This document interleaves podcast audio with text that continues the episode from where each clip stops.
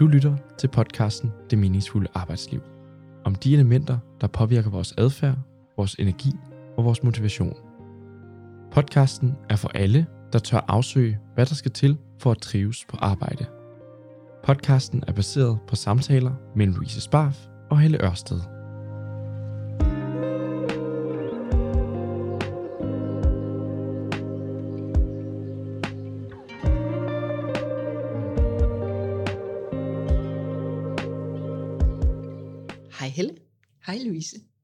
Skal i dag tykke lidt videre på en samtalesalon, øh, som vi havde om en lille prins. Så derfor øh, har vi dybt dagens episode kun med hjertet, kan man se. Det var en lidt anderledes samtalesalon, vi havde i onsdags. Måske fordi det var lidt lyrisk, så det blev mere øh, magisk. Det blev... Det var på et helt andet niveau. Fordi Ja. ja. den lille prins er så fin. Det er sådan en fin historie. Ja, meget, det blev i hvert fald meget sådan filosofisk eller Filosofisk. poetisk. Ja, poetisk. Men måske vi lige skulle, nu vi jo, vi holder jo vores, vi laver jo vores øh, podcast oven på de inputs og refleksioner og følelser og fornemmelser, som vi får fra samtalesalongerne. Måske vi lige skulle sådan for lytterne forklare, hvad det er, en en samtalesalon er. Det kan jeg godt fortælle lidt om. Det er en aften, hvor vi mødes klokken 17, og vi stopper klokken 19. Og vi mødes med 15, 16, 18 mennesker, som ikke kender hinanden, som har lyst til at samtale i et par timer med nogen, de ikke har mødt før, og hvor at vi præsenterer os selv og hinanden øh, på fornavn, så det handler ikke om, hvem vi er, øh, hvad vi laver. Det handler om, at vi har lyst til at tale om et emne, som i den her, øh, pod, eller den her samtalesalon var Den Lille Prins. Og alle kommer lidt generet ind og ved egentlig ikke rigtigt, hvad der skal ske. Øh, men de går varme og venskabelige ud af døren to timer senere, fordi de folder en masse følelser og tanker og ord ud over for vildt fremmede mennesker. Det er ret magisk, det der sker. Ja, og noget af det, vi i hvert fald har reflekteret over, er, at fordi vi har så travlt, ikke? at vi, vi, vi har sjældent tid til at gå i dybden med et emne, øh, og det med at dedikere to timer øh, af din uge på at tale, samtale med fremmede mennesker om et specifikt emne, åbner en eller anden dør ind til, til noget, hvor du både får ro og nærvær, øhm, og kan komme i dybden med nogle ting, og det, at det gør et eller andet. Det, det, så når folk går herfra, er det som om, man jo på en eller anden måde har knyttet bånd Ja, med mennesker, du ikke kender. det, Det er da sker. egentlig imponerende, at det er noget, en samtale kan. Ja. Vi fik jo inspirationen fra den her gruppe, der hedder Borgerlyst, som lavede en masse podcast igennem fem år eller lignende. Og de har skrevet ja, altså en bog, samtalesalonger, ikke? Ja. Og de har skrevet en bog om, hvordan man afholder samtalesalonger, og, hvor, og hvorfor man gør det. Og på ingen værne, at, at vi holdt op med at samtale. Vi tager for givet de mennesker, vi omgives. Vi kender deres meninger. Så vi, vi samtaler ikke uden øh, bias, eller uden, øh, at vi ved jo godt, hvad du mener, eller hvilken tro du har, eller hvilken overbevisning, eller politisk overbevisning du har. Det ved vi om andre, så så holder vi helt op med at tale sammen. Ja, fordi vi har kortlagt mønstrene, og vi tror på forhånd, at vi, de mennesker, vi har i vores liv, Ja. dem ved vi, hvad, hvilke holdninger de har. Ja. Ikke? Så vi Ja. holder op med at debattere. Vi debatterer ikke så meget. Og det er det, der er hele ideen. Og det, at det er fremmede mennesker, det, det giver bare en ekstra dimension, at du lige skal hen over en slags generthed. En, øh, kan- de er jo selvfølgelig, vores gæster er jo modige, for de kommer uden at have helt styr på, hvad der, er, der skal foregå. Ja. Og, men vi har jo også altid inviteret en oplægsholder med, Ja. som, som kickstarter det hele med at enten beskrive den bog, vedkommende lige har skrevet, eller som i onsdags, hvor Sigga havde fortalt sin personlige historie om, hvordan hun genlæste Den Lille Prins, når hun søgte nye veje Ja, eller mening med eller livet. mening med livet. Ja. Ikke? Så der er et oplægsholder, som har forberedt nogle spørgsmål, og så går vi i gang, stiller vi os op i grupper, og så debatterer vi de her spørgsmål.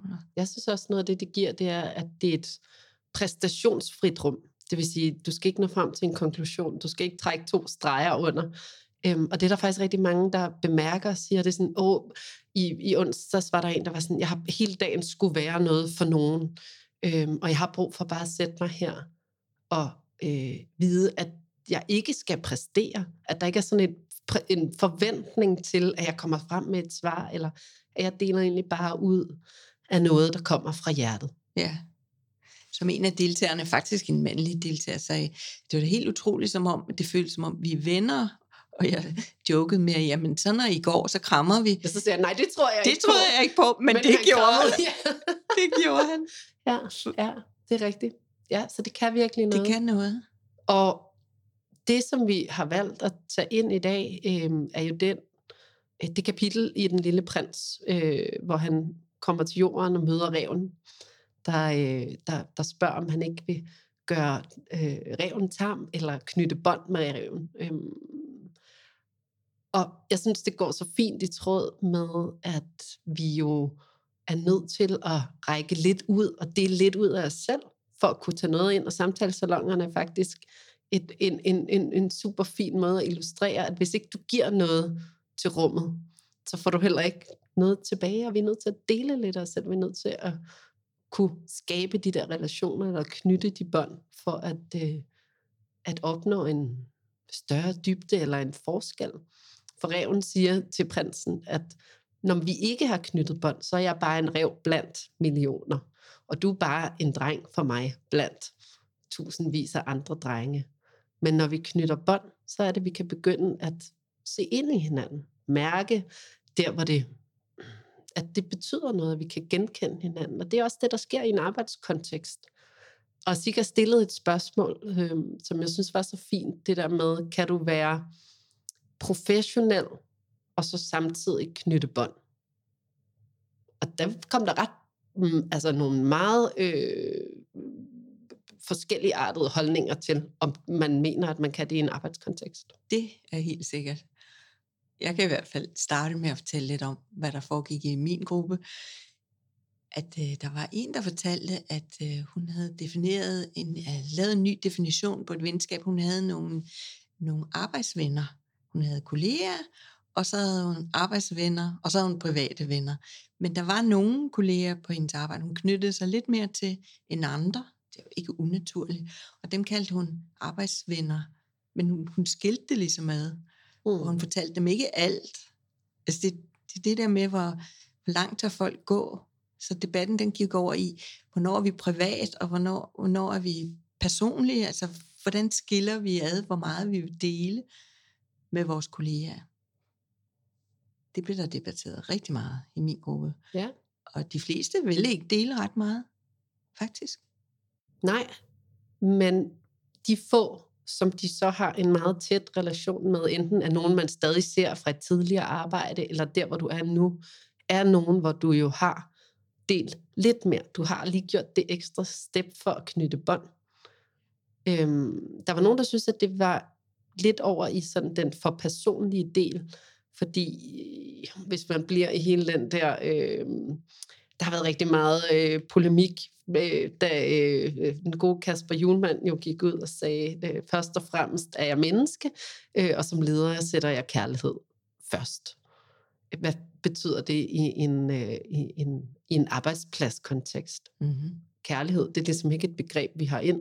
Hvis det er, så er det enten noget, vi sætter i bås med øh, noget magt og noget begær, og så bliver det nogle grimme historier, der kommer ud af det. Det har vi set hele øh, somi-skandalerne, øh, men ellers er det i den der med, at der er kollegial kærlighed. Vi kommer, til at, altså, vi, vi kommer til at tage det ind i en privatsfære.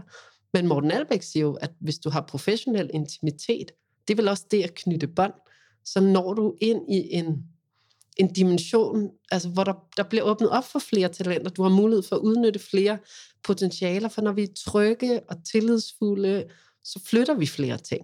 Yeah. Og kan du ikke, den når du ikke, hvis ikke du knytter bånd. Eller det tror jeg i hvert fald ikke. Nej, det er så også det, min filosofi. Jeg har i hvert fald arbejdet ud for den devise altid, at hvis du vil bygge for eksempel, som jeg har gjort i mange år, arbejde med selvledende teams, og du som leder, så er du en del af det her team. Og selvledende teams er, hvor den, der har kompetencen trækker læsset den dag, eller den, der lige har tiden, Mm. trækker læsset. For at vi kan give hinanden vores opgaver for lige at blive aflastet, skal vi have tillid. Og vi opnår ikke tillid, hvis ikke vi begynder at bygge nogle bånd til hinanden, begynder at lære hinanden at Ja. kende. Så jeg har altid blevet rigtig gode venner med alle mine medarbejdere og alle mine kolleger. Det falder mig også naturligt. Og blevet bebrejdet, det kan man jo ikke, fordi så hvis man pludselig skulle fyre dem, så kan man ikke fyre dem. Men det kan man godt, fordi det er en anden dimension. Vi er jo også professionelle. Men det er vigtigt for mig at vide, at der er en medarbejder eller en kollega, der kommer ind ad døren og er dybt ulykkelig, og finde ud af, hvorfor vedkommende er dybt Mm. ulykkelig, så vi kan hjælpe, så vi kan stå sammen, så vi kan aflaste i teamet, kollegerne imellem. Det er ikke kun ledere, medarbejdere, det er også kolleger imellem, ellers skal man ikke arbejde i selvledende teams, er min, det hævder jeg. Så kan Ja. det være nogen, hvor vi giver lidt mindre, end vi får. Altså, at der er, du betragter mig som din ven, men jeg betragter dig som min kollega. Altså, der kan, behøver ikke at være 100% balance. Det var en af Sigas pointer. At, At der ikke behøver at være balance. at der behøver, det behøver ikke at være den samme venskabsfølelse. Uh, det er jeg ikke helt enig i. Ja, jeg ved det selv. Hvis jeg sidder og, og er mentor for et andet menneske, og er det igen og igen, og det andet menneske pludselig synes, at nu skal vi være venner, fordi jeg forstår vedkommende så godt, Mm. så, så rammer vi ubalancen nemlig. Og jeg synes ikke, jeg er vennen, når jeg er mentor eller coach. Nej. Men jeg kan godt blive betragtet sådan, fordi jeg pludselig ved så meget om det. Men det betyder jo ikke, at, at vi ikke ved en masse om hinanden. Og jeg giver, når jeg hjælper andre mennesker, så giver jeg rigtig meget af min egen smerte. Ja. Men det er ikke sikkert, at jeg lukker dig ind i min privatsfære. Så Nej, der, er men sådan, der er også forskel. der er flere dimensioner, det- ikke? Men, men det synes jeg jo også er det professionelle, der netop gør, at du stadig kan være professionel, men godt kan åbne ind til den professionelle intimitet. Ikke? Jeg Ja. deler noget af mit liv, eller min smerte, eller mit perspektiv, som nogle gange er andet end, du ved, øh, i den klassiske ledertype forstand af sådan en, jeg har naturligvis styr på det hele, ikke? Ja. Øhm, men at man siger, jeg er også i tvivl. Her er Det har også været en svær morgen for mig, eller jeg deler noget af det, som er min op- og nedtur i livet. Ja. Mit første øh, lederjob, øh, der fik jeg sådan et godt råd af øh, en, der havde været min chef, og han sagde, så er det nu, du lige skal distancere dig en smule øh, fra de andre, fordi du jo, nu har jeg været vant til at være ligestillede medarbejdere, og nu er du nogen af dem chef. Og så sagde jeg- sagde jeg bare, det er simpelthen det dårligste råd, du kan give til nogen. Fordi det er ikke sådan et menneske, jeg er. Og det er ikke den type leder, jeg vil være. Det betyder ikke, at, øh, at, øh, at der ikke er forskel i det beslutningsniveau, vi har. Jeg sidder med et større ansvar, det er jeg fuldt bevidst om, men jeg går ind i mine relationer med præcis den samme intimitet, som øh, jeg har gjort som, som, som medarbejder, og det har jeg altså fortsat med hele vejen op, men det betyder også, at jeg den dag i dag stadig får opringninger og beskeder fra folk, som har været øh, et eller andet sted i organisationen med mig som leder, og sagt, prøv det du gjorde der og der, den stemning, det satte, det rum, du skabte, det har betydet rigtig meget. Mm. Og det mener jeg kun har kunne lade sig gøre, fordi jeg har sat intimitet ind. Mm. Øhm. Og ikke har været den første, der gik til julefrokosten. Nej, For det er jo det, det, har man aldrig gjort. på, det har ikke? aldrig gjort. Men Nej. det er klart, at man trækker sig på et tidspunkt, Ja. fordi man måske ikke på den måde drikker sig helt øh, i hegnet, eller nogen gør i hvert fald ikke. Men at man nogle gange kan nå til et punkt, hvor at man får lige lovlig mange sandheder at vide, og så skal man jo kende grænsen som Lige chef og præcis. sige, hvornår går man, hvornår går man ikke. Men det betyder ikke, at du ikke kan, kan være et åbent, kærligt sted. Men hvor med kommer den kollegaer. opfattelse nu fra, at, at hvis man har en, en relation, der er venskabelig, og man åbner op for sit sande jeg, at så kan man ikke være professionel? Er det ikke skørt? Den kommer fra frygt. Ja. Den kommer fra frygten af, at øh, så, så, så, når du har åbnet noget, så er du også et sårbart sted. Ja. Dermed så kan du blive, hvad hedder sådan noget, dolket i ryggen, eller smidt ind under bussen, eller ja, det kan være det. misforstået. Altså, så der er, noget, der er jo noget frygt i det, at når du åbner op ind til dit hjerte, så er du et mere sårbart sted. Så har du ikke det panser eller filter på.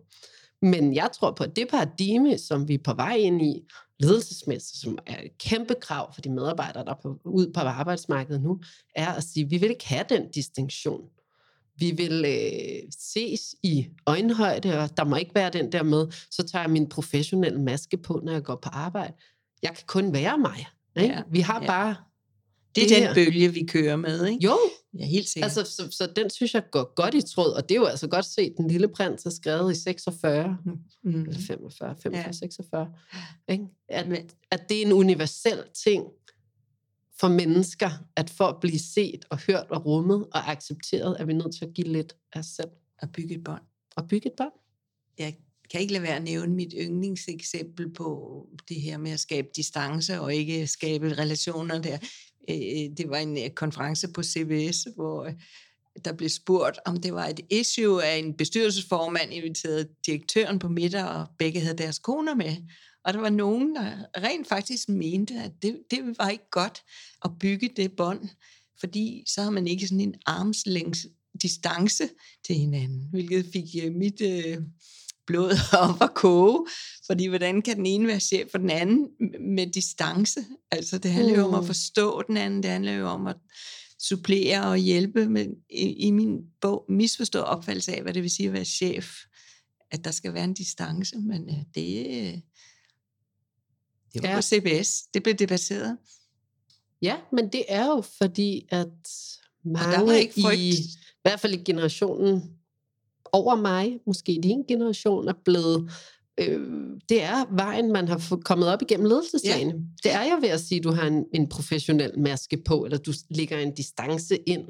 Ikke? Fordi hvordan kan du ellers øh, træffe nogle af de hårde valg? Men man kan godt fyre folk, træffe hårde beslutninger, svære beslutninger, ledelsesbeslutninger med hjertet. Ja. Det synes ja. jeg i hvert fald godt. Jeg har aldrig haft problemer med det, Nej. vil jeg sige. Men jeg er altid blevet bebrejdet, at det kan du nok ikke, når du nu er så tæt på dem. Ja. Øhm, ja. Men det, ja, men det er jo en ledelses, det er jo det at være leder, ja. at kunne tage det ansvar ind. Mm, ja. Men hvad kan man så se med hjertet? Hvad Det var også et af de spørgsmål, Sigga, Ja. hun tog med. Ikke? Hvad kan man se med hjertet? Vi kan jo være udstyret med øh, empati. Så har vi et instinkt for, hvordan andre har det. Mm. Og det går altså via hjertet. Ligesom det nye sort begreb, compassion, det har jo også noget at gøre med at kunne mærke andre mennesker. Mm. Så se andre mennesker med hjertet er at forstå dem i den, der, det ståsted, de er på. Ja. Hvem de er. Ikke hvordan de ser ud. Ikke hvad de siger eller er titel. Men forstå dem der, hvor de er. Acceptere dem. Inkludere dem. Men det, der er så svært, og ja, det er derfor, jeg synes, det er skønt, det der med, at man kun med hjertet kan man se rigtigt. Fordi det der med at se, det er noget, jeg kan forholde mig til. Ikke? Ja. Det er noget fakta, jeg kan næsten Mhm. måle og veje det. Men at se med hjertet er Ja. jo fornemmelse, Det er mærke. ikke? mærke. Ja. Mm-hmm. Øhm, og nogle af de snakke, vi havde øh, i min gruppe, gik på, at når du har travlt, når du er i dit produktionsmode, ikke? og du kører derud af, at du lægger flere timer, og der skal tælles, vejes, gøres, produceres, så kan du ikke mærke, så kan du ikke gå ind. Mm. Altså, så, er der ikke, så har du ikke den kobling ind til din krop og dit hjerte, og så kan du faktisk ikke se rigtigt med hjertet. Så kan du kun se rigtigt med hjernen. Mm. Det vil sige alt, hvad du kan måle og veje, analysere og fornuft. Ikke? Så Og det synes jeg var en ret fin skælden, fordi så er det netop der, at du faktisk har blokeret for at se det rigtige med hjertet. Og ja, det bliver lidt, både lidt langhåret og lidt sådan ud i det der fornemmelse, men jeg tror bare på, at den vej, vi er på vej hen i, det er at sige, det kommer til at have lige så stor en indvirkning i vores liv, i de beslutninger, vi skal træffe. Øhm, kvantefysikken siger, at dit hjerte opfatter tingene langt tid før, fordi det er energi, end din hjerne gør. Men vi er så vi er så meget i vores hjerne, at vi kan simpelthen ikke tolke, hvad det er, der sker nede i hjertet. Mm. Ikke? Så det vil sige, vi bilder os ting ind, vi overanalyserer, overfortolker det, og så tit træffer vi nogle valg, der måske strider imod det, som hjertet egentlig fortalte dig. Øh, Det er fra rigtigt. start. Det er faktisk også i hjerneforskningen, der er fokus på det. Nu er jeg gået i gang med hjernen på overarbejde. Ja, den er Først, vidunderlig. ja, først gik jeg i gang med podcastene, men så tænkte jeg, nej, det går ikke hurtigt nok, så nu er jeg midt i bogen, øh, Hjernen på overarbejde. Og, øh, og der taler de jo om compassion, Mm. som det, der kan aflaste. Og det handler jo om også at mærke andre mennesker, og mærke sig selv, ikke mindst. Og vide, hvornår man har brug for omsorg, hvornår man kan give omsorg. Det, der er mange dimensioner i det her. Alt sammen til for at bremse det, den burnout, vores hjerner er på vej ud i, når vi presser os alt for hårdt. Ja. Så hjernen står også af, hvis ikke vi mærker med hjertet. Ja, fuldstændig. Altså og den, det og ser det du har vi dokumenteret. gang på gang. Øh, der er masser af, og det er altså særligt øh, udtalt i, øh, i ikke, ikke kun, men, og, men, men højt oppe i hierarkiet, øh, fordi det er dem, der har løbet rundt i hamsterhjulet efter øh, magt og prestige og succes og penge og alt det her, og timer og timer og timer. Øh, og så har de siddet der på deres pæle siden, ikke? og talt og talt og talt. Men på et eller andet tidspunkt, så kan hjernen ikke være med mere. Hvis ikke du, og det var nu sidste gang, i sidste episode, der talte vi om pauserne, og hvad sker der, når vi lige sådan giver hjernen det der refleksionsrum. Men det, der også sker, hvis du ikke gør det, det er, at din hjerne brænder ud, og der er så mange grofulde eksempler på mennesker, som egentlig er i fysisk god form, for vi Mm. gør meget for at holde vores krop ved lige, men vi holder ikke vores sind ved lige. Nej. Og hjernen brænder ud, og hjertet, du får ikke plads Nej. Til at kunne mærke det, der er rigtigt for dig, at dit indre kompas er simpelthen i, i udu. Men når vi så skal se med hjertet, så handler det jo om, at vi skal kunne se hos de andre, vores kolleger, Ja. vores venner, vores familie. Vi skal kunne mærke og kunne hjælpe dem med at stoppe, jeg vil sige, i talesætte det.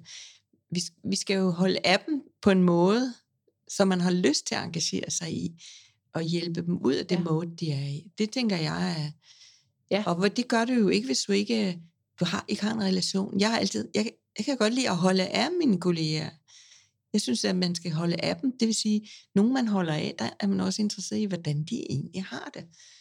Og man tør også godt sige til nogen, man holder af, eller det håber jeg, jeg at jeg gør, når jeg ser det, du ser udbrændt ud, eller er det ikke nu, du skal have en pause? Det gør man jo kun, hvis man holder af. Ja. Altså, hvis man er ligeglad, og man kun har fokus på sit eget race, så får man ikke gjort det. Nej.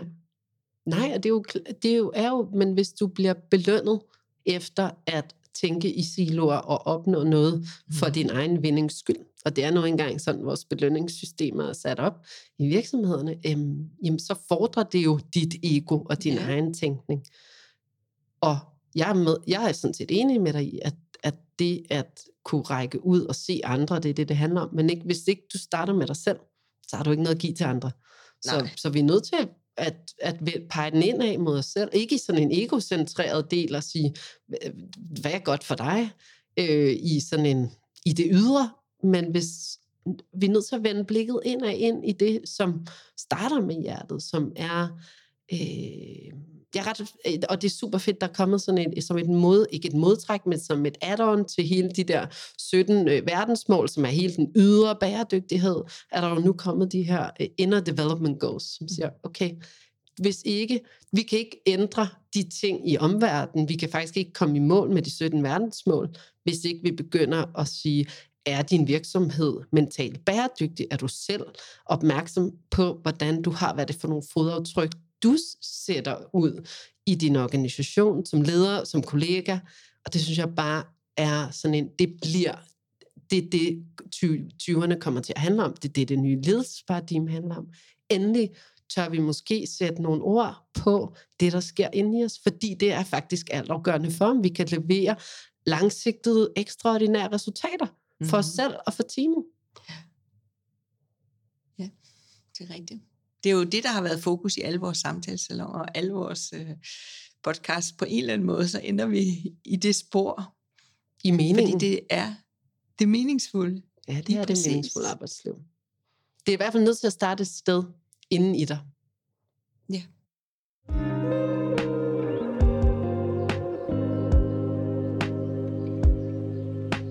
Vi skylder at sende en tak til Sigga Birkvad, som inspirerede os til at tage fat på den lille prins, genlæse den, tænke lidt over. Og hendes post på LinkedIn startede med, hvad nu hvis alle, der blev ansat, fik til opgave at læse den lille prins? Et af de ting, hun øh, blandt andet nævnte, det var, at det øh, kapitlet, hvor den lille prins møder forretningsmanden, og han siger, spil ikke tid på øh, at alle de der ekstra udregninger, for jeg har tillid til dig. Hvad gør det for vores sådan, balance mellem kontrol og tillid? Øhm, og hvad gør det for vores samarbejde?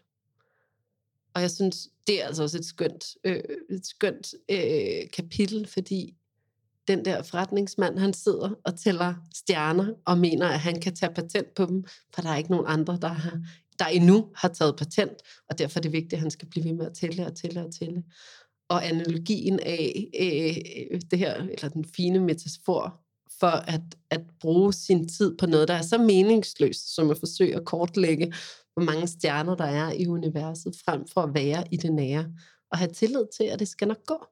Jeg synes bare, det er, ja, det er utrolig fint. Øhm, og måske kunne vi i virkeligheden smide nogle af alt det øh, pseudoarbejde og spildte strategiprocesser og ledelsesgrundlag ud og erstatte det med den lille prins, og så simpelthen vælge sit eget kapitel og sige, det er det her, der betyder noget for mig. Jeg vil nok personligt vælge det, øh, som vi har talt det mest om, nemlig det med at knytte bånd, og kun med hjertet kan man se rigtigt. Men hvad for et vil du vælge? Det med venskaberne her. Ja, det, jeg synes, det er... Reven, der skal, vil gerne gøres tam. Ja. Jeg synes, at vi skal opfordre vores lyttere til at læse eller genlæse Den Lille Prins. ja det, Den kan den, noget. Ja, den kan virkelig noget. Det er en meget, meget fin og poetisk øh, fortælling. Og meget sigende for, hvordan vi i virkeligheden lever vores arbejdsliv stadig.